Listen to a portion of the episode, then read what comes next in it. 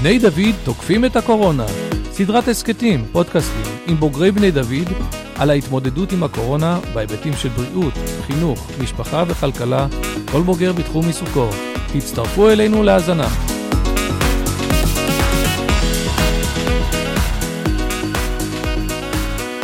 שלום לך, הרב אמיר סנדלר. אתה אה, נקראת על הדגל פה של אה, תוכנית ההסכתים שלנו אה, כבר בפעם. זו, זו, זו פעם שנייה, זה דבר נדיר, אבל זה בגלל שאתה עוזר לנו בשני כובעים. בפעם הקודמת אנחנו שוחחנו על שירות לאומי, תחום שאותו ליווית, והרבה אנשים שמעו והשכילו והתקדמו בזכות הדברים, אבל היום אנחנו ביקשנו ממך לבוא לכאן כי אנחנו בסדרה מיוחדת של הסכתים שעוסקת בנושא הקורונה מזוויות שונות, ואנחנו רוצים לדבר על הקורונה בהיבט החינוכי. אה, אנחנו עוברים פה... משהו שנפל עלינו אה, כרעם ביום בהיר, וקיווינו גם שהוא יסתלק כך, אבל אה, לא כן, אה, זה הופך להיות חלק מהחיים שלנו לתקופה ממושכת. אה, והיה חופש גדול, חשבנו שאולי אנחנו נצליח לשחק שהסגרים יהיו בדיוק בזמנים של חופש, אבל אה, זה כבר לא, לא עובד. ביום שבו אנחנו משוחחים, אז דנים, אבל זה, זה כמעט נכון על כל יום בתקופה האחרונה, דנים בדיוק בקבינט הקורונה על השאלה של מתי יחזרו ללימודים, איך יחזרו ללימודים. מה שבטוח זה שחזרה מלאה ורגילה לשגרת לימודים כמו שהכרנו, לא תהיה בחודשים הקרובים.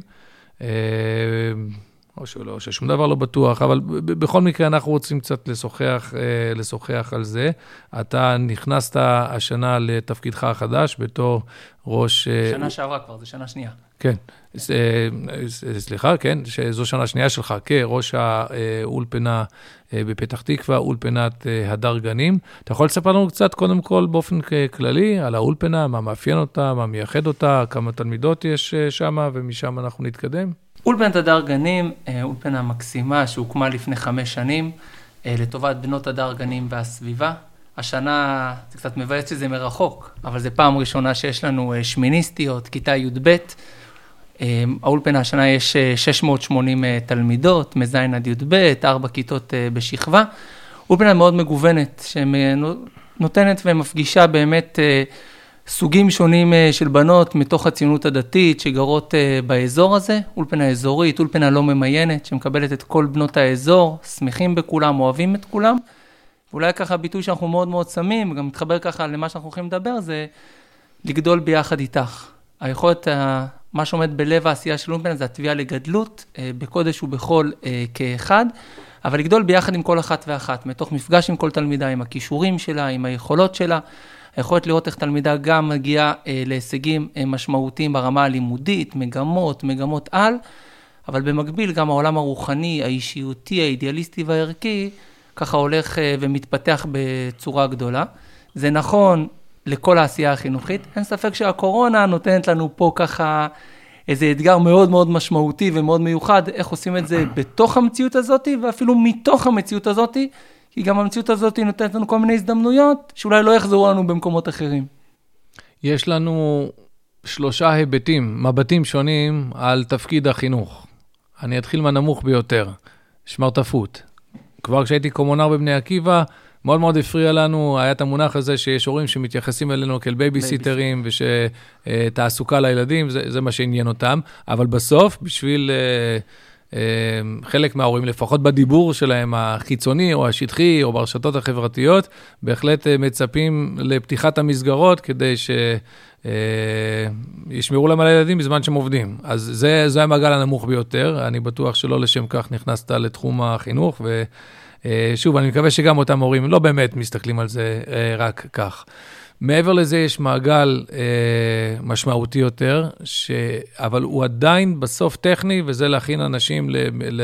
לבגרויות שלהם, שלא יצברו פה פיגורים, שלא יהיה לנו פה איזשהו שנתון של אה, אה, אנשים שיכולים רק לעבוד בעבודות פשוטות ולא לא למצות את הפוטנציאל התעסוקתי שלהם. אז צריך לדאוג להמשיך... אה, שתהיה למידה במובן הזה, המקצועי, וכמו שאמרתי, הייתי קורא לו אה, טכני, למרות שידע עושה משהו לאדם מעבר ליכולת טכנית. אבל המעגל השלישי והעיקרי, ובשביל זה כולנו בעסק הזה, וזה החלום וה... שלנו זה לעסוק בחינוך, בנפשות, בקידום, בפיתוח, בחינוך לערכים, ליראת שמיים, בלעזור לאדם להיות מי שהוא. וזה, האם אני צודק שזה המעגל הנפגע ביותר בזמן הקורונה? זאת אומרת שבמקרה הטוב, מצליחים איכשהו שלא יהיה פיגור בחומר. לפעמים אני רואה את הילדות שלי לומדות אה, אולי יותר מאשר בשגרה, אבל העבודה הזאת, העיקרית, אה, זה האתגר הכי גדול? אז תראה, אני רוצה דווקא לענות לך בהפוך על הפוך. ולהתחיל את זה דווקא מהמקום המדהים. לכן שאלתי אותך בישר על ישר, כי רציתי כן. שתענה לי בהפוך על הפוך. דווקא מהמקום המדהים שקורה בתקופה הזאת, אה, שדווקא מחדד את הנקודה האחרונה שאמרת. אני מרגיש, אם פה זה סקט של בני דוד, אני קצת מרגיש עכשיו כמו אה, קצין במלחמה. מצד אחד, אף אחד לא רוצה שתהיה מלחמה, וזה ממש מבאס שיש מלחמה, אבל כל קצין אומר, אם כבר נגזר שתהיה מלחמה, הוא מתפלל שזה יהיה במשמרת שלו. שהוא יהיה זה ש... רגע, רגע, סליחה שאני קוטע. הרב אמיר, אני מכיר אותך. אני יודע שאתה תסביר לנו שלא זו בלבד שעכשיו מחנכים, אלא שזאת ההזדמנות החינוכית הגדולה ביותר שנפלה לא. בחלקנו, ואם רק ניגש לזה נכון, הכל טוב ויפה. אבל בוא יותר אבל... מזה. בוא, בוא נ... אני... גם יותר מזה, לא, אוקיי. לא, אבל יש פה משהו. יש פה בשורה מאוד מאוד גדולה, דווקא אל מול הדברים שאמרת. לפני הבשורה, קודם כל, בוא נקדיש דקה לקושי. איפה הבעיה, איפה האתגר, ומשם אנחנו נעלה. בסדר? אני חושב שהקושי הגדול שפגש את מערכת החינוך בשנים האחרונות, זה הרגשת חוסר הרלוונטיות שניסו לשדר למערכת הזאת. כמה מלל וכמה מאמרי דעה נכתבו בעשור האחרון, שדיברו שבמאה ה-21 המורה הוא כבר לא מקור הידע והוא לא מקור הסמכות, וכמה, וכמה בכלל שצריך לשבור את קירות הכיתה, אה, וכמה הכל נמצא באינטרנט, והתלמיד יכול ללמוד מרחוק, ובית ספר שרצה להיחשב כחדשני ובפדגוגיות חדשניות, בכלל ניסה להזיז את המורים. נכון, יש איזה ביטוי שדיברו עליו המון בשנים האחרונות, שצריך להוריד את המע"מ במערכת החינוך. מע"מ זה ראשי תיבות, מורה עומד מלמד. לא כאילו, הכרתי. מה, מורה עומד מלמד, זה היה ביטוי כזה, שאני חושב שבאמת צריך להוריד את זה במינונים מסוימים. אבל פתאום מגיעה הקורונה, ואני לא מתעלם מהקושי, בואו נדבר על הקושי בצורה גדולה. אבל פתאום מזכירה לנו כמה עוצמה יש במערכת החינוך, מה המשמעות של מורה. פתאום כולם מבינים, פתאום משוועים כולם, כן, לחזור לכיתה, מעלים את הצורך הזה. ולכן אני חושב שזאת הבשורה הגדולה שקיימת בתקופה הזאת, וזה בעיניי, זה ברכה שתביא אותנו, כי זה ישחרר אותנו לעוד 30 שנה קדימה, מכל מיני אמירות. אם אני משווה את זה ככה, אנחנו בני דוד, צריך להשוות לצבא, אני מרגיש שזה כמו הדיבורים המחלישים שהיו לפני לבנון השנייה, שאמרו שכבר לא צריכים לדבר על רוח הלחימה, כי אנחנו מלחמת הייטק, ונלחץ אנטר מרחוק ונחסל את האויבים, וכבר לא צריך את החייל שמסתער בקרב. הגיעה המלחמה ועשתה לנו איזה איפוס והזכירה לנו שרוח הקרב ורוח הלחימה והנחישות ואותה מסירות נפש היא נדרשת. אגב, מעניין, באמת בלבנון השנייה, את כל הדיבורים על המפקדים שמובילים מאחור עם הפלזמות, ואנחנו עכשיו אה, דווקא משתמשים במסכים והרבה, אבל... אה, אבל, אבל אני הרגשתי ששם זה היה מאוד איפוס סביב הנושא הזה. שהבינו בסוף שזה כבר, זה לא, אמרו מלחמת טילים, נלחץ, סייבר. לא, בסוף, בסוף, האדם שנמצא בקצה, הוא זה שיפעל את הפעולה. אותו דבר גם נכון במערכת החינוך. אני חושב שזה מאוד מאוד מתחדד בתקופה הזאת. מה מתחדד? מה, מה עכשיו... הצורך הגדול, ומפה גם אני נכנס לקושי שאתה אמרת, שבסוף אמ, הצורך הגדול שיש לכל נער ונערה, זה לא בהקניית הידע. הקניית הידע יש כלים שונים ומגוונים, ואנחנו גם מאוד מאוד מפתחים את הכלים הזה. היכולת לייצר את, לייצר את המסגרת שבה אותו נער או נערה פוגשים את המורה שמאמין בהם, שמדבר איתם, שדן איתם, שמתווכח איתם, שחי איתם בדבר היומיומי. אני חושב שכל כך, דווקא בגלל שהקושי של הלימוד מרחוק, והוא מייצר קושי מאוד גדול. בסוף, הלימוד מרחוק, אפשר להקנות את הידע, כמו שאמרת, אפשר להעביר את המסרים, אבל אי אפשר לדון, אי אפשר להתווכח. זה קורה, אבל בדיליי תמיד, שאתה אומר משהו עד שמישהו שומע אותך מהצד השני. ואני חושב שדווקא הדברים האלה, וזה מה שכל התלמידים אה, זועקים, כלומר, יצרנו פה עכשיו איזה חיסרון, והתלמידים אומרים, אוקיי, אתם נותנים לנו את הידע, אין חשש, אני צריך להגיש לבגרויות, אנחנו נצליח, וגם משרד החינוך ידע להקל איפה שצריך להקל. את החומר הבגרותי אפשר להעביר, וגם פותח בשנה האחרונה, הביא ברכה מאוד גדולה. המון המון כלים של למידה מרחוק, כל מיני תוכנות, כל מיני אתרים, אה, למידה סינכרונית ואסינכרונית, ובכל מיני כלי אה, למידה שונים שרק הולכים ומתפתחים, וזו ברכה מאוד גדולה. אבל בסוף, כמו שאמרת, האתגר הגדול, אני מרגיש ככה על עצמי, אמרתי, אמרת, מי שנכנס לחינוך, אני מרגיש כמי שהשאירו לו את הגוף ולקחו לו את הנשמה. כי בסוף את הגוף אנחנו ממשיכים לנהל, הכל עובד ביום-יום. יש לנו ישיבות צוות וישיבות ניהול והגשת תוכניות ותקציבים, ואנחנו עושים אה, מיפויים אישיים לתלמידים ותלמידות, כי באמת, כאילו, הגוף עובד, אני נמצא רוב ימות השבוע, יושב במשרדי מהבוקר ועד הערב ומנהל את המערכת, והמערכת עובדת. אבל הנשמה, הקשר האישי, הדיבור, הקבוצת למידה שיושבת חמש דקות בהפסקה ללמוד את הרמב"ם היומי או איזה נושא אחר, התלמידה שנכנסת להתלונן, המורה שככה באה להתלבט, זה קורה, אבל זה קורה אה, מרחוק. ואני חושב שפה זה לב האתגר שלנו מצד אחד, אבל בהסתכלות ארוכת טווח, אני מרגיש שזה נותן לנו ברור מאוד מאוד גדול על הצורך במערכת החינוך, על המקום והמשמעות, אל מול הדמיון שכאילו המערכת היום כבר לא צריכה את זה, כי כל הטכנולוגיה כל כך מתפתחת. איך אומרים השריונרים, האדם שבטנק ינצח, ההבנה שבסוף, בסוף, בסוף, גם אם יש לך את המערכת הכי משוכללת, הרוח, הקשר האישי, החיבור, השיח הזה, זה עומד בלב הדברים. אני חושב שזה מאוד מתחדד בתקופה הזאת, וזה האתגר להצליח ליצור את זה okay. אוקיי, בתקופה הזאת. אז אה, הסברת מצוין איפה החסך, מה, מה חסר, מה לקחו לנו. אה, עכשיו, איך בנסיבות האלה בכל זאת מתגברים על זה? איך כן ממלאים את החלל הזה? איך אה, כן זורקים נשמה לתוך אותו גוף ש, שנותרנו איתו, שהוא הקליפה של החינוך? אז עושים את זה בהמון המון דרכים. שאני חושב שהכותרת מעל כל הדרכים האלה, זה היכולת לייצר אה, לתלמיד או לתלמידה את ההרגשה, אנחנו כאן. הרבה פעמים, הילד או הילדה, מעבר לזה שהוא צריך את המענה הטכני, עכשיו תענה לי על השאלה או על הזה, הוא צריך לדעת שאני פה בשבילך. יש לי אין ספור סיפורים שאתה פוגש את אותה תלמידה שרק עצם זה ש, שענית לה לטלפון, עצם זה שאתה ככה הגבת על הדברים, אז היא מרגישה שיש פה מישהו שהוא בשבילה, שייתן לה את המענה, שיפגוש אותה בצורה אה, נכונה. ועושים את זה הן במעגלים של הזמינות היומיומית אה, בכלי המדיה השונים. אה, המורים, אנשי ההוראה עובדים עכשיו הרבה הרבה יותר קשה ממה שהם היו עובדים ביום-יום. הם עובדים כל היום וכל הלילה. תנסה לדמיין את הסיטואציה, שנגיד בכיתה, אם ביום-יום, אז המורה נכנסת ומודיעה הודעה בכיתה. אז מה קורה בשנייה שהמורה הודיעה הודעה בכיתה? תגובות. יש שאלות, יש תגובות, יש זה. בכיתה, ביום-יום, זה נגמר בשתיים-שלוש דקות, שהמורה עומדת, וכן, עונה לה, עונה לה, עונה לה, וזה נגמר. היום, בחוויה של המורה, היא הודיעה את ההודעה בכיתה, זה 40 וואטסאפים. עכשיו היא צריכה לענות על 40 וואטסאפים בקבוצה הכללית או בפרטי, שזה מדמה את השתיים-שלוש דקות האלה בכיתה. אז גם להזכיר למורה שזה לא חריג, כי זה בסוף, זה, מה, זה מדמה את השתיים-שלוש דקות האלה בכיתה, וגם היכולת... כאילו, יש לזה תפקיד, אתה אומר. בוודאי. הודעה זה לא דבר, גם הודעה זה לא דבר נכון, טכני. והיכולת זה לייצ... פתיחת שיח. נכון, ויכולת לייצר עוגנים. לדוגמה, משהו שאנחנו עושים שהוא מאוד משמעותי, פעם בשבוע לכל שכבה בתיכון, יש כינוס שכבתי. שהכינוס השכבתי הזה, מעבר לדבר תורה ודיבור ואיזה נושא שככה אנחנו רוצים uh, לעסוק בו, um, כן, אנחנו נותנים לתלמידות מראש לשלוח לנו שאלות. באמת, כל נושא שמעסיק אותם, שמטריד אותם. עכשיו רגע, ומה יהיה עם המבחן הזה, ומה יהיה עם הפעילות הזאת.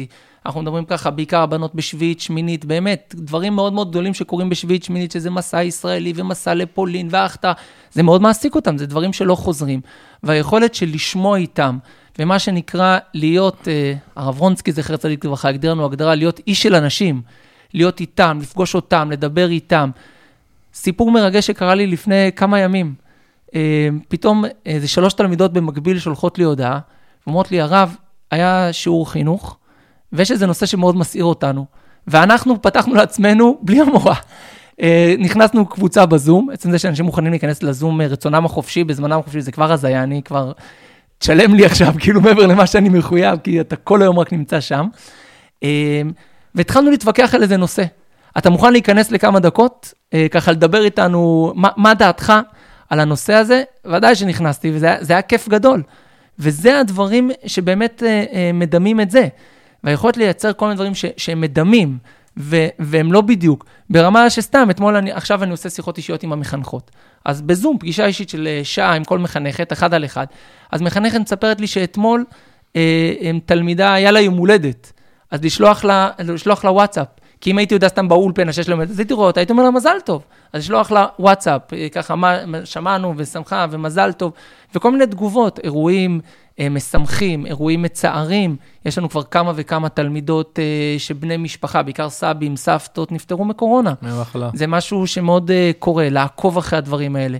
אגב, גם ברמת הצוות. כאילו, כל הזמן ברמת המעקבים. כאילו, קצת, אה, מה שנקרא, פיקוד ושליטה פה, לעקוב אחרי התלמידות ולעקוב אחרי הצוות, שגילינו שהרבה פעמים האתגר של הצוות הוא, הוא לא פחות גדול, ואפילו אולי יותר גדול מהאתגר אה, של התלמידות. ברמת השגרה היומיומית, אני מרגיש שזה לב עבודת השם של החינוך אה, בתקופה הזאת, בצורה הכי גדולה שיכולה להיות. אני מניח שיש הבדל גדול בכל הנושאים האלו, אה, בין נגיד אה, כיתה שהיא ממשיכה שנה שנייה, היא מחנכת, אז בעצם ה bonding, הקשר הבסיסי, הוא כבר נוצר, והדדית, היא מכירה אותה, הם מכירים אותה, לבין, אני חושב, על אותה מורה שהיא בעצם, היא לא הכירה את התלמידות שלה, הם לא הכירו אותה, הכל קורה שם, שם יש בכלל היתכנות, אפשרות להגיע למעגל הפנימי יותר של החינוך. אז בוא אני אספר לך מה מורה עשתה.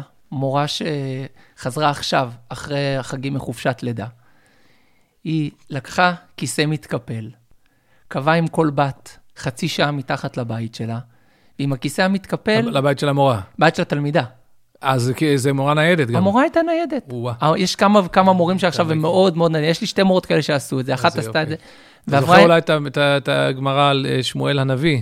שהיה מהלך. במסכת שבת, שהוא מאופיין בזה שהוא היה מהלך מעיר לעיר ועושה שם את הסיבובים האלה. בניגוד לבנים שלו, שחטאו בכך שהם במקומם. רוצה את הרב, יבוא אליו, שזה... אם אני ממשיך את הדוגמה שאתה הבאת, ההבנה שאנחנו לא יכולים להגיד, טוב, תבואו אלינו עכשיו, למרות שכמעט כל יום יש לי פניות של תלמידות, כי יש, בתוך האולפנה יש כיתות שפועלות, כיתות המב"ר. כן אושר לפעול. אז כאילו אולפנה פעילה ברמה היומית, ויש בנות שרוצות לבוא, ואסור לנו לאפשר להן לבוא. אה, ממש בנות שאפילו מתחננות להצטרף לכיתת המב"ר עכשיו, שזו כיתה שכן אה, פעילה ביום-יום, ואסור לנו לאפשר להם את זה. ויש כל מיני דברים שעוד בדיונים, ברמת uh, המחוז של משרד החינוך, על כל מיני חריגים כאלה, אם מאפשרים להם או לא מאפשרים להם להגיע. אבל ממש כן, מורות, יש לי כמה וכמה מחנכות שקובעות שיחות אישיות עם, עם, עם בנות מתחת לבית של התלמידה, קובעים באיזה פארק ציבורי באזור, במיוחד אחרי שירדה גזירת האלף מטר. אבל גם פה אני רואה, יש לי אין ספור תמונות מרגשות בפלאפון על מפגשים כאלה, אבל פתאום זה כל כך, כל כך, כל כך מחדד את הצורך בקשר האישי, בחיבור, להיות קשוב לאחת, לכל אחת ואחת. אספר לך על דוגמה על תלמידה שהיא הייתה בבידוד, אנחנו הגענו לראש השנה, אה, גם אני בין ראש השנה ליום כיפור הייתי בבידוד, אה, שכמעט 50% מהאולפנה שלי הייתה בבידוד. מה אתה אומר? למעשה, החודש הראשון של שנת הלימודים קרס מהבחינה הזאת. למרות הקפסולות, למרות הכל, הגעתי לכמעט 280 תלמידות בערב ראש השנה בבידוד. זה דבר אה, מאוד חריג? לי זה לא, נשמע המון. זה לא חריג. לא כל חריג. אה, טוב, זה כי זה מספיק שבאיזשהו מעגל יש לך, והבידוד הוא 14 אה, יום, אז בסוף נכון, במכפלות נכון, של זה... נכון, ואתה עובר, וההדבקה שהייתה פה, באוכלוסייה ככה קרובה, וזה היה מאוד, מאוד מטלטל. אה, והיה לי תלמידה שהיא הייתה בבידוד, מעבר לכל מיני פרויקטים שעשינו שם, של עידוד בבידוד, שדאגנו שכל אחד תקבל, וגם שהצוות יקבל איזה שי, ואפילו שהצוות שמע שאני נכנס לבידוד, דאגו להגיע עד אלי, אה, לשים לנו משהו ככה ליד הדלת. איזה יופי. אבל הייתה לי תלמידה שהיא הייתה בבידוד, ויום אחרי שהיא יצאה מבידוד, אימא שלה התגלדה כחולת קורונה. והיא אומרת ששוב פעם, אימא שלה בתוך החדר, והיא אבל שוב פעם נכנסת לבידוד ברמת הבית, שכל הבית כבר בבידוד. והילדה הזאת אפילו לא הספיקה במרווחים שבין... בין ההפוגות של הסגרים, אה, לא הספיקה לקחת את ספרי הלימוד מהאולפנה, ולא היה לה איך להגיע ואיך להסתדר. אז ברמה שהילדה שלחה לי את הקוד של הלוקר שלה, ולעלות ללוקר שלה, ולהוציא את כל הספרים, ולקחת את כל הספרים שלה, ולהגיע אליה לדלת של הבית, ולשים לה את הספרים בדלת של הבית, כי כל הבית עכשיו בבידוד. אין אפילו מישהו ש... שילך ולא היה לה נעים, לבקש מחברות. אני בטוח שכשראש האולפנה אה, טורח ומביא לך את הספרים, זה הרבה מעבר לספרים. אני נזכר בסיפור התלמודי הידוע על רבי עקיבא, שראש ישיבה של רבבות תלמידים, והוא קולט שיש תלמיד חולה ואף אחד לא מבקר אותו, והוא זה שבא ומסדר לו את ה... הרי הוא פותח לו את החלון. מאוורר את הבית. והכל, ואותו תלמיד נרפא. וה... אני חושב שהפירוש שם זה שהתלמיד נרפא לא מהאוויר, אלא מזה שרבי עקיבא הגיע אליו. אני חושב שאנשי החינוך היום הם מאוד מאוד רבי עקיבא במקום הזה. ההבנה שבסוף הליווי היומיומי והקשר היומיומי והמעקב היומיומי אחרי המשך התהליך של כל ילד וילד וילדה, ולהבין מה קורה, ולראות גם את הסיטואציה שקורית בכל בית וכל מקום, אני חושב שזה לב-לב האתגר פה, ובסוף יש את האתגר הרפואי, שאיתו אנשי הרפואה אה, פועלים. אבל בסוף, אם החברה, ולדעתי אני מרשה לעצמי לדבר במילים גבוהות, הכלל, כלל האנושות, תצא מהסיטואציה הרפואית ותצליח באמת uh, לחזור לעצמה, זה המון המון בזכות אנשי חינוך האלה, שידעו להיות כמו רבי עקיבא הזה שאתה אומר, שהם היו גדולים בפרטים הקטנים, ברגישות לדברים הקטנים, ביכולת לתת את המענה היומיומי uh, בדברים האלה, שעל גבי זה מביא באמת שגרת הלמידה היומיומית והקניית הידע והערכים, שמצד אחד זה מאוד מאתגר מרחוק, אבל מצד שני אני חייב להגיד לך שגם זה נותן לנו המון המון הזדמנויות של דברים שלא היינו... מצוין, זה בדיוק מה שרציתי לשאול. מעבר לניסיון איכשהו לשמור על uh, התפקוד הרגיל, איפה יש לנו פה, בתוך המציאות הזאת, uh, הזדמנויות? איפה יש פה דברים שאולי לא היינו יכולים uh, לעשות בתקופה רגילה, ואנחנו כן יכולים עכשיו? וזה כבר מתחבר לשאלה הבאה שרציתי לשאול, זה בעצם אותה שאלה, מהם הדברים שאנחנו נרצה לקחת מהתקופה הזאת גם לעידן שאחרי הקורונה? כלומר, מה למדנו על עצמנו פה, על, גם על למידה וגם על חינוך, שאנחנו נרצה להמשיך עם זה? אז בוא ניתן לך שלוש דוגמאות. נתחיל עם דוגמה שאני יודע שקרובה ללבך. יום חמישי הקרוב, י"א במר חשוון, יום פטירת רחל אימנו. כל שנה אנחנו רוצים לבחור נושא שמתייחס ליום הזה. השנה בחרנו בבחינת רחל מבכה על בניה, לעורר את כל העניין של קיבוץ גלויות. למה אמרת שזה קרוב לליבי? אז חכה. אוקיי, טוב. בחרנו 아, את אוקיי. הנושא אוקיי. של קיבוץ גלויות. אם הייתי רוצה בשנה רגילה באולפנה לדבר על קיבוץ גלויות, מה הייתי עושה? הייתי מעביר איזה שיחה על זה, אולי הייתי מביא איזה מישהו שעלה. אנחנו סגרנו עם שלושה שליחים, אחד בניו זילנד, אחד באוסלו ואחד בטורונטו בקנדה, שהם יעלו ב live, כל אחד לשבע דקות, וידבר מהמקום שלו, ידבר על קיבוץ גלויות, יספר. תחשוב איזה חוויה כזאת, ביום לא היינו חושבים לעשות את זה בכלל. מי, הזום פתאום נותן לי אופציה, חוץ מהזה שבקנדה שהייתי צריך לשכנע אותו לקום ברבע לשש בבוקר שזה יוצא לו, וזאתי בניו זילנד תהיה בכלל ביום אחר בתאריך, אבל ישבו כל הילדות בבית, ואם מדברים על קיבוץ גלויות, מדברים על הרצון הזה של להיות שותפים לפעילות הזאת, שעם ישראל ששב לארצו, הם יפגשו את זה בצורה ישירה, לא ממישהו שעשה עלייה, ממישהו שעכשיו נמצא שם. וזה משהו שלא היינו חושבים עליו ביום-יום, וביום חמישי הקרוב, חמש דקות מניו זילנד, חמש דקות מאוסלו, חמש דקות מטורונטו, ופתאום הכל כן. נמצא בסלון שלנו. בכלל, אני יכולת להביא אז... אנשים ודמויות שביום לא הייתי מעז לבקש מהם לבוא, בוא תעלה עשר דקות, תדבר על זה, חמש דקות על זה, וואלה, זה משהו שנפתח לנו שבכלל לא היינו חושבים עליו ביום-יום. כן. אז, אז האמת היא, אני קפצתי קודם בגלל שאני ב, אני כן עסוק מאוד בתאריך הזה, אבל בעיקר דווקא בנושא של, של אה, רצח, רצח רבין. רצח רבין. כן. אז פתאום הבאת לי קיבוץ גלויות, אמרתי, רגע, רגע, אבל באמת זה נושא שהוא קרוב לליבי כל השנה, ולא... אגב, גם רצח רבין, שלוש שעות קודם, בנות י"א-י"ב שלנו, יהיו במפגש שבנינו בזום עם אה, תיכון ממלכתי בפתח תקווה, יצחק שמיר, והם יעשו קבוצות, ובנינו את זה, והם יעברו לחדרים, ויהיה כללי, ואני אדבר, והמנהלת של יצחק שמיר תדבר. פעילות שככה קורית, אה, אה, קורית אז קודם כל אני שמח לשמוע שלא אה, לא, לא צריך להיות זכר רבין על חשבון רחל אימנו, אבל גם לא רחל אימנו. שתי על... צירים שיהיו באותו כן. יום, זה יהיה בתשע בבוקר וזה יהיה ב-12, שתי פעילויות שונות. אבל זה... רגע, לפני הדוגמה השנייה, אני, אני בדיוק אספר גם על הזדמנות שנקרתה אצלנו. יש לנו, בעזרת השם, בקרוב בת מצווה במשפחה, וזה גם כן, כאילו, בדיוק ילידת אותה תקופה שכבר כולם קיוו ש... עד לבת מצווה שלה זה כבר לא יהיה רלוונטי, וכנראה שזה כן, אבל אנחנו באמת רוצים בין השאר להפגיש אותה סביב, סביב הנושא שאנחנו מתמקדים בו, אה, שמה, שאני, טוב, אני כבר אחשוף את התוכנית, שמה רעות, אז אנחנו הולכים לדבר הרבה על רעות, וה, אז אני רוצה לדבר אה, גם על הנושא של הרעות והקשר בינינו לבין אחינו שבתפוצות. וגם כן, אנחנו עומדים אה, לעשות לה חיבור זום לילדה בת גילה אה, בקהילה יהודית ב, ב, בחוץ לארץ, mm-hmm. זה משהו שתיאורטית אפשר היה לעשות גם לפני שנה או שנתיים, אבל uh, היום זה כאילו הדלת פתוחה, זה משני הצדדים. Mm-hmm. אז זאת תהיה את ההזדמנות ליצור uh, רעות וחיבור. אז... אז זו דוגמה מעולה לדברים שלא דמיינו לעשות, ופתאום זה קורה. עוד דוגמה שמבחינתי זה ממש חלום שהתגשם, ומזמן שיח חינוכי מאוד מאוד גדול. כמעט כל איש במערכת החינוך, אם תשאל אותו, אחד מהחלומות שלו, אה, ביחס למבחנים, ודרכי ההיבחנות זה לעשות אותם מבחני אמון, מבחני כבוד. אבל תכלס, לפחות ממה שאני הכרתי עד היום, רק אולפנה אחת בארץ, אולפנת הרב בהרן, היה לה אומץ ללכת עם זה עד הסוף, ואפילו קיבלה אישור ממשרד החינוך, שאת הבגרויות שלהם הם עושים בלי משגיחים. גם זה... את הבגרויות? כן, קיבלו למה? אישור, זו תוכנית ייחודית שלהם, בגלל שהם הציגו שזה המהות של המקום. אז הם היחידים שעושים אפילו את מבחני הבגרויות, הם עושים הם, בלי זה. פתאום, ראיתי בשבת, התארח פה הרב נוימן, אמרתי לו, כולנו הפכנו להיות הרב בהרן. הרב נוימן ראש אולפנת בהרן. כן, ראש הרב בהרן. הבת שלו חיה פה ביישוב, בעלי. אה, כולנו הפכנו להיות אה, הרב בהרן. עכשיו הגענו, עד עכשיו בקורונה, בכל הסבבים הקצרים לא עשינו מבחנים, אה, כי הצלחנו להסתדר תמיד, עכשיו זה פעם ראשונה שיש תהליך ארוך, כאילו, שכבר אנחנו נמצאים בשבוע השלישי של למידה רציפה מרחוק. התחלנו מבחנים מרחוק, והיה שיח חינוכי מאוד גדול. היו כל מיני בתי ספר שהתחילו להגיד, בואו נמציא כל מיני שיטות, עוד מצלמה שנייה מהגב ומראה מאחור.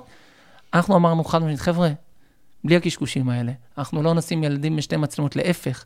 כל המחנכות בנו מערך של, שלוש שיעור, של שלושה שיעורים בנושא האמון, והיכולת לתת בך אמון, ופתאום שיח שבחלום שלי, כאילו, הייתי מת לעשות אותו מזמן, אבל לא היה לי אומץ, והיה גם שגרה. פתאום הקורונה, אתה יודע, הרב קוק באורות המלחמה כותב שהמלחמה הרבה פעמים מזרזת תהליכים, דברים שהיו לוקחים 50-60 שנה, פתאום קורים ב, בשבוע, שבועיים. אז הנה, המקום הזה של אמון, ולדרוש מהתלמידות, ופתאום זה היה גם שיח עם תלמידות. תלמידות התחילו לדבר בצורה גלויה. עם המחנכות ולהגיד, אנחנו אה, אה, נכבד את האמון הזה, יש תלמידות שיותר יכבדו, פחות יכבדו, נצליח להם, מה שנקרא... זהו, אין בסוף, אחרי, הרי מי, מי לא רוצה שזה יהיה ככה, וזה כל כך מדבר אל ליבנו, אבל בסוף אין, אה, אין את החשש של אה, אנחנו פה עוברים על לפני מכשול.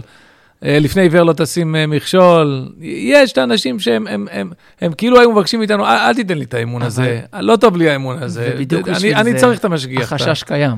ובדיוק בשביל זה, אני מרגיש שהקורונה לא משאירה לנו ברירה, אלא לחנך. אלא לחנך.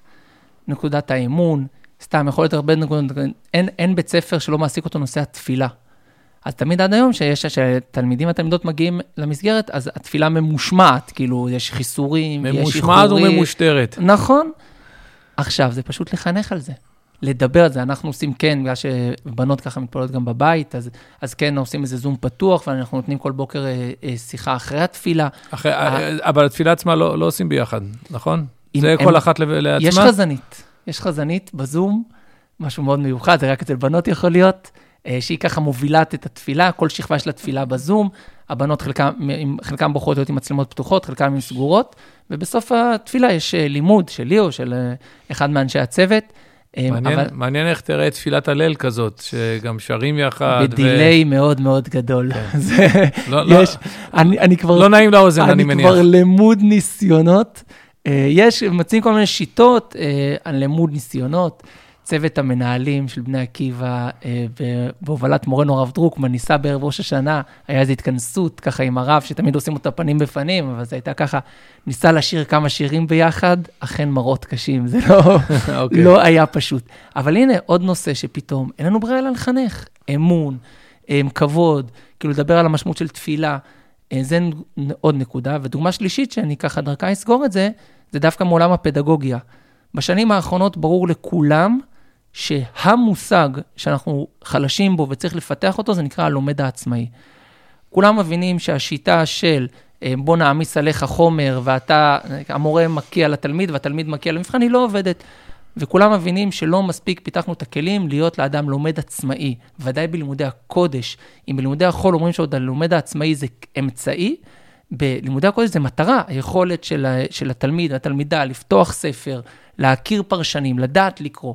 כולם מדברים כבר שנים, הלומד העצמאי, הלומד העצמאי, לפתח את הלומד העצמאי, אבל בסוף בסוף, בעיקר לקראת הבגרויות, אנחנו, אני לא רוצה להגיד ככלב השב אל קיו, אבל חוזרים לשיטה המוכרת והבטוחה, המורה עומד, מרצה, כותב, התלמידים מסכמים, ואחרי זה מעבירים את זה למבחן. מגיעה הקורונה, והקפיצה אותנו 50 מדרגות בזה. זה לא מושלם, יש עוד המון אתגרים, זה קשה גם לתלמידות להיות לומדת עצמאית. למעשה אנחנו, לדוגמה, את המערכת חילקנו 50-50.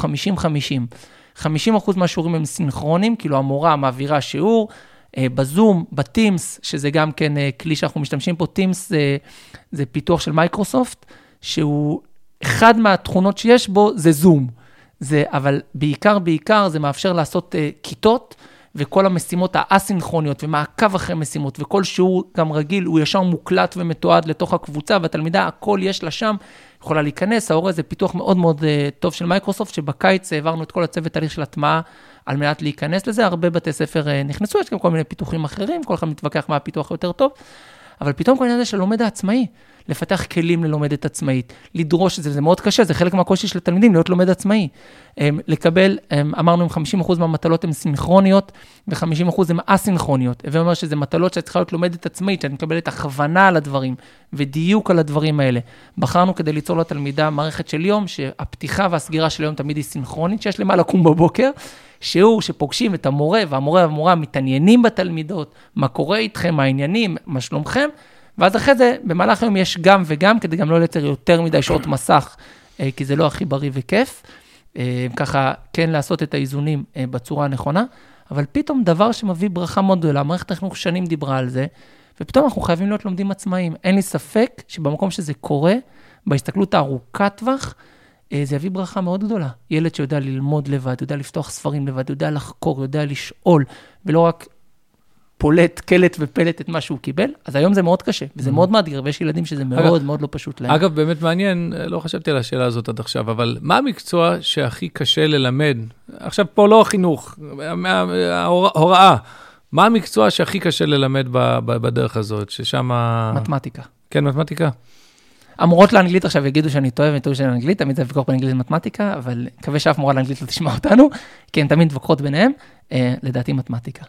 זה המקצוע שהכי קשה, אמ, כי צריך פה, יש פה בעיקר בכיתות הגבוהות, כאילו, באמת כאילו, כל תהליך התרגול והלמידה, כאילו, בכיתה הרבה הרבה, הקטע של ההקנייה, שמורה עומד ומקנה חומר בשיעורי mm-hmm. מתמטיקה הוא יחסית קטן. כאילו, רוב השיעור זה פותרים ביחד, תרגילים, עבודה משותפת. ו... אז באמת, בעיקר בכיתות הגבוהות, שיעורי מתמטיקה הם מאוד מאתגרים, גם פה פותחו כלים. אה, לוחות חכמים שהמורים יודעים להשתמש בהם היום מרחוק, זה כבר לא בסבב הראשון של הקורונה, או היו מורים שהיו כותבים על, על, על החלון בבית עם טוש אה, מחיק, mm. ומנסים לשים את המצלמה ככה. לא, אבל יש סיכוי שנלקה בדבר הזה, זאת אומרת, שיהיה פה שנתון של פחות חמש יחידות ופחות... אה...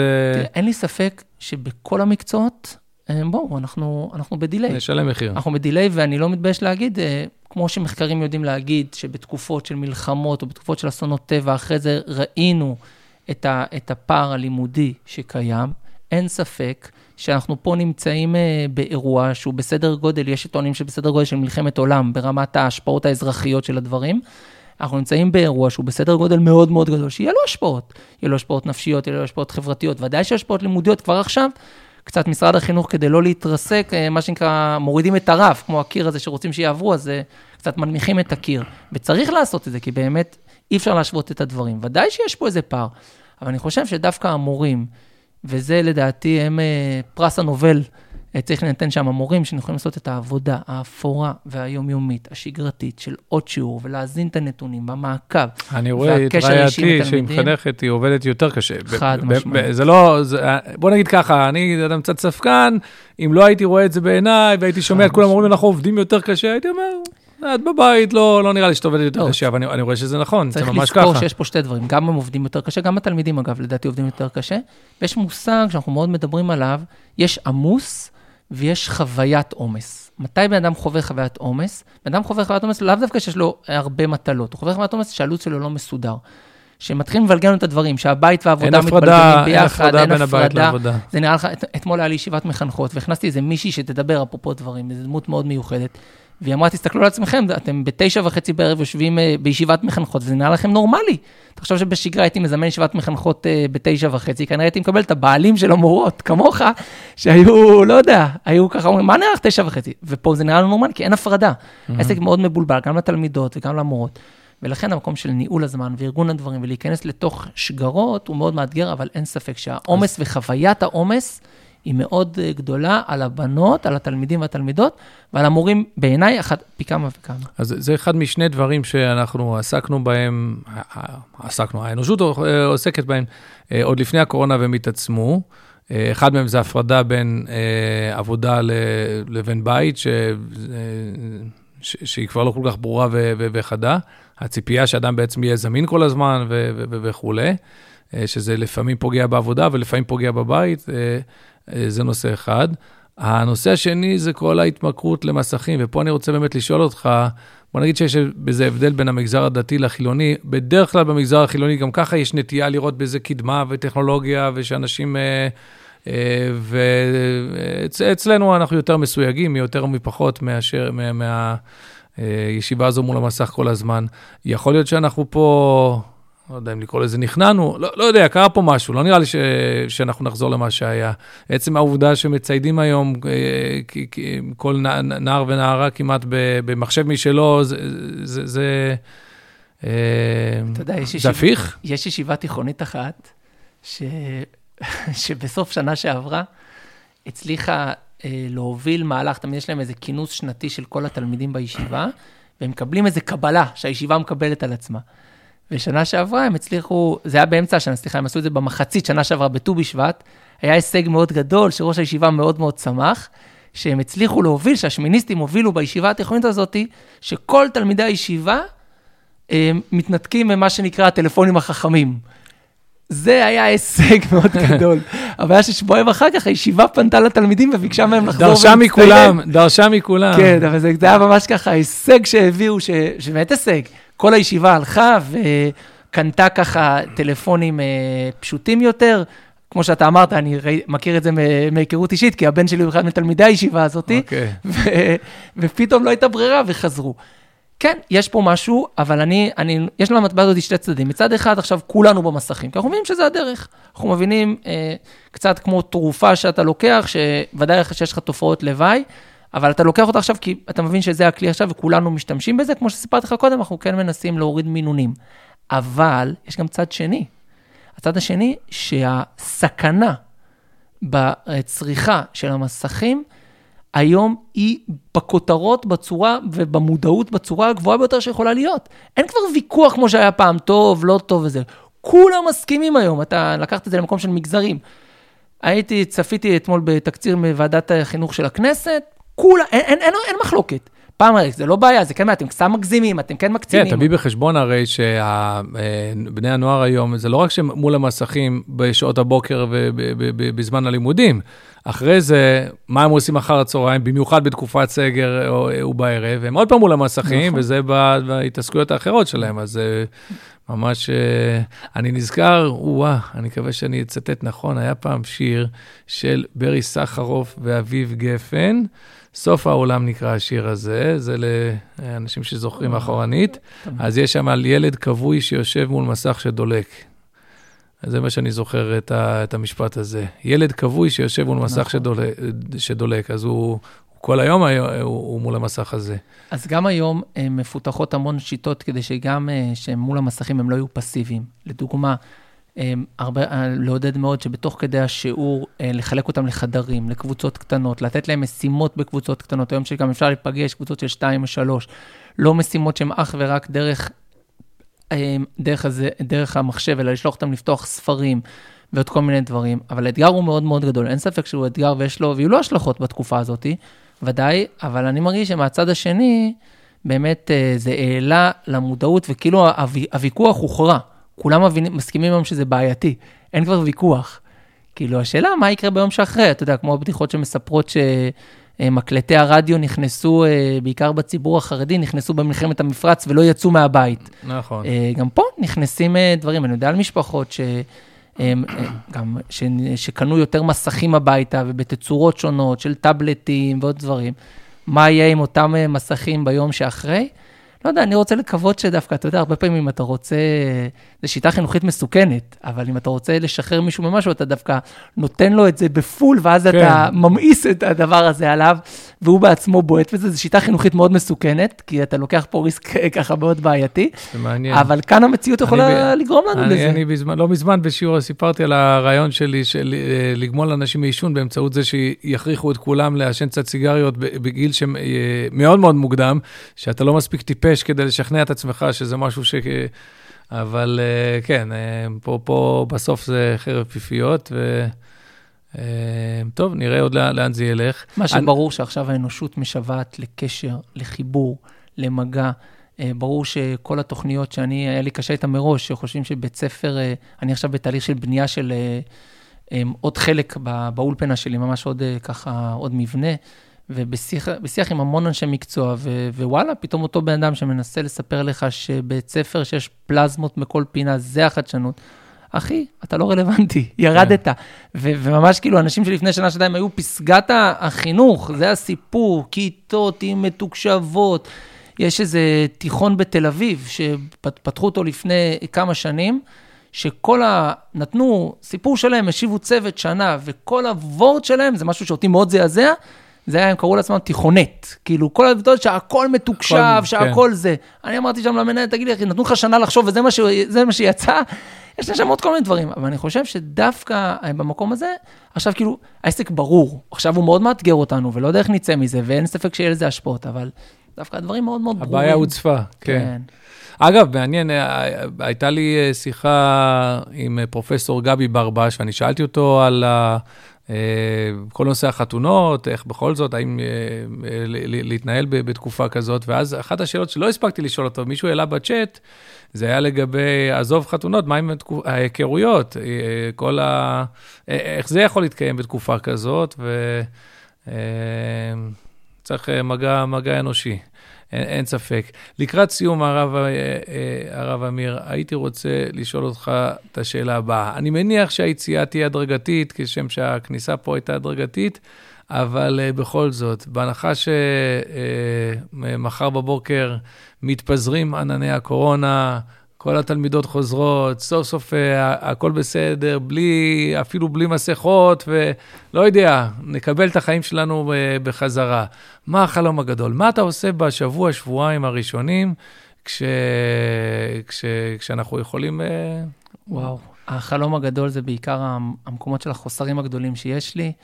אה, מעבר לחזור לשגרת למידה, אה, יש לי שתי חלומות גדולים. אחד זה דווקא הדברים הקטנים, יש לנו תוכנית מאוד מיוחדת באולפן שנקראת בוחרות בקודש, שזה כל מיני מפגשים קטנים בהפסקות לבנות שרוצות, נפגשים באיזה פינת ישיבה, לומדים חמש דקות, רמב"ם יומי, יש כל מיני תוכניות כאלה של לימודי הלכה, זה משהו, וואו, לחזור לזה, זה מאוד קשה, כאילו, אנחנו מנסים לשמר את זה גם קצת מהקורונה, אבל זה, כי מה שזה פיקים מאוד קטנים כאלה.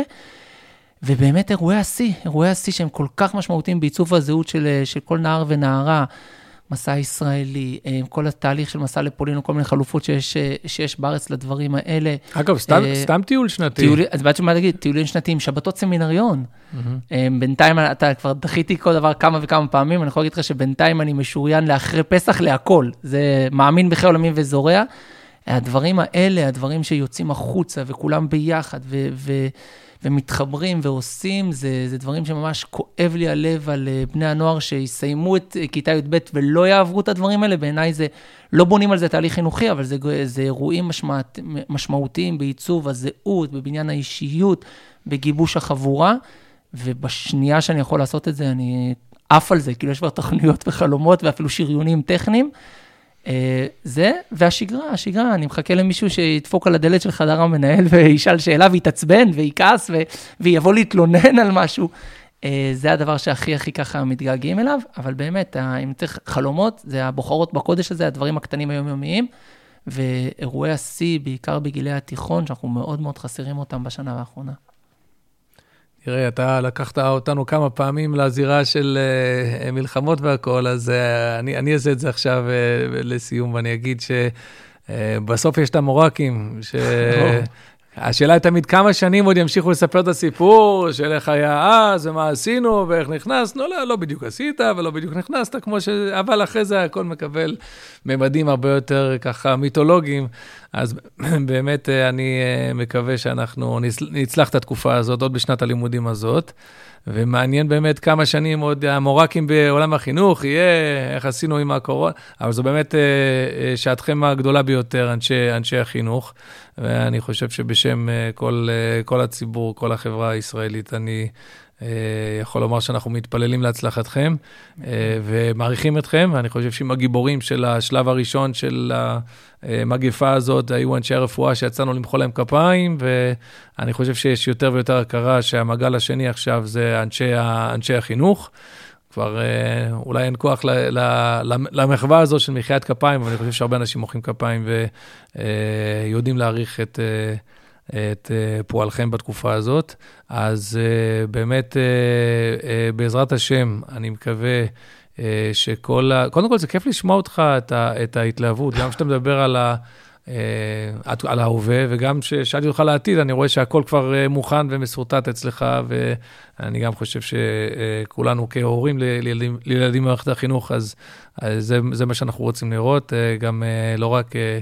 איזושהי התמודדות כזאת קשה, אלא עם התלהבות וברק בעיניים, ואנחנו מכירים את זה, שמובטח שמי שיש לו את ההתלהבות ואת הברק בעיניים בכל תחום, בטח ובטח בתחום החינוך, אז uh, הוא גם יראה את הברכה ואת התוצאות. אז תודה, תודה רבה, הרב uh, אמיר, uh, והרבה הצלחה בהמשך העבודה החינוכית שלך. אני מקווה שאנחנו כולנו נמשיך לקחת פה את הדברים הטובים שלמדנו בתקופה הזאת. תודה.